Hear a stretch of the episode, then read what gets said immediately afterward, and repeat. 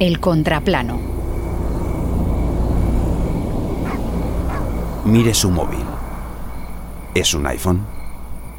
Si es así, lo más seguro es que se fabricase aquí.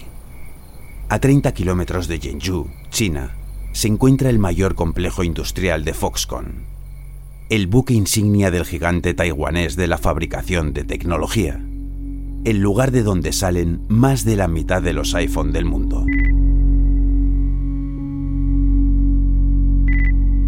Hileras de altos edificios cercan este parque industrial, y en su interior, minúsculos dormitorios dan cobijo a los 350.000 trabajadores de Foxconn, colmenas para el enjambre Currela, la mayoría campesinos. Adiós azada, hola, microchip.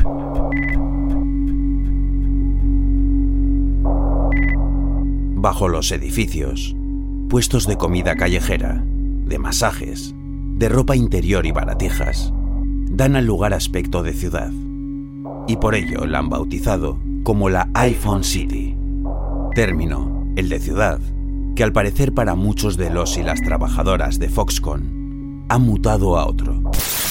Cárcel.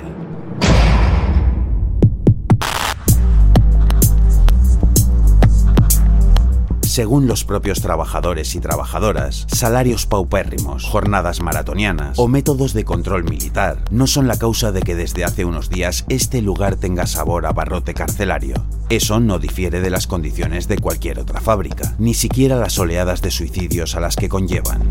Lo que le ha dado un definitivo toque Alcatraz a este megaparque industrial ha sido otra cosa.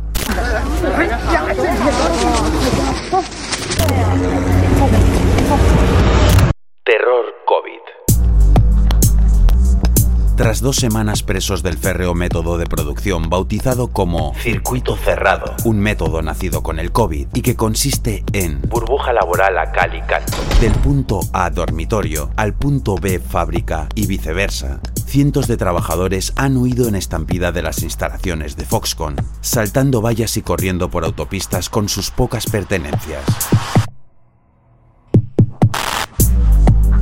Al parecer, y bailando al ritmo de la censura, de la estrategia COVID-0 y de las opacas declaraciones político-empresariales, la burbuja explotó debido a la escasez de alimentos, de medicinas y por rumores tales como que en la planta ya había 20.000 contagiados y la cosa se expandía a ritmo frenético, que habría traslados masivos a megacentros de confinamiento, o incluso que el ejército encerraría y usaría a los trabajadores y trabajadoras como cobayas para estudiar el virus.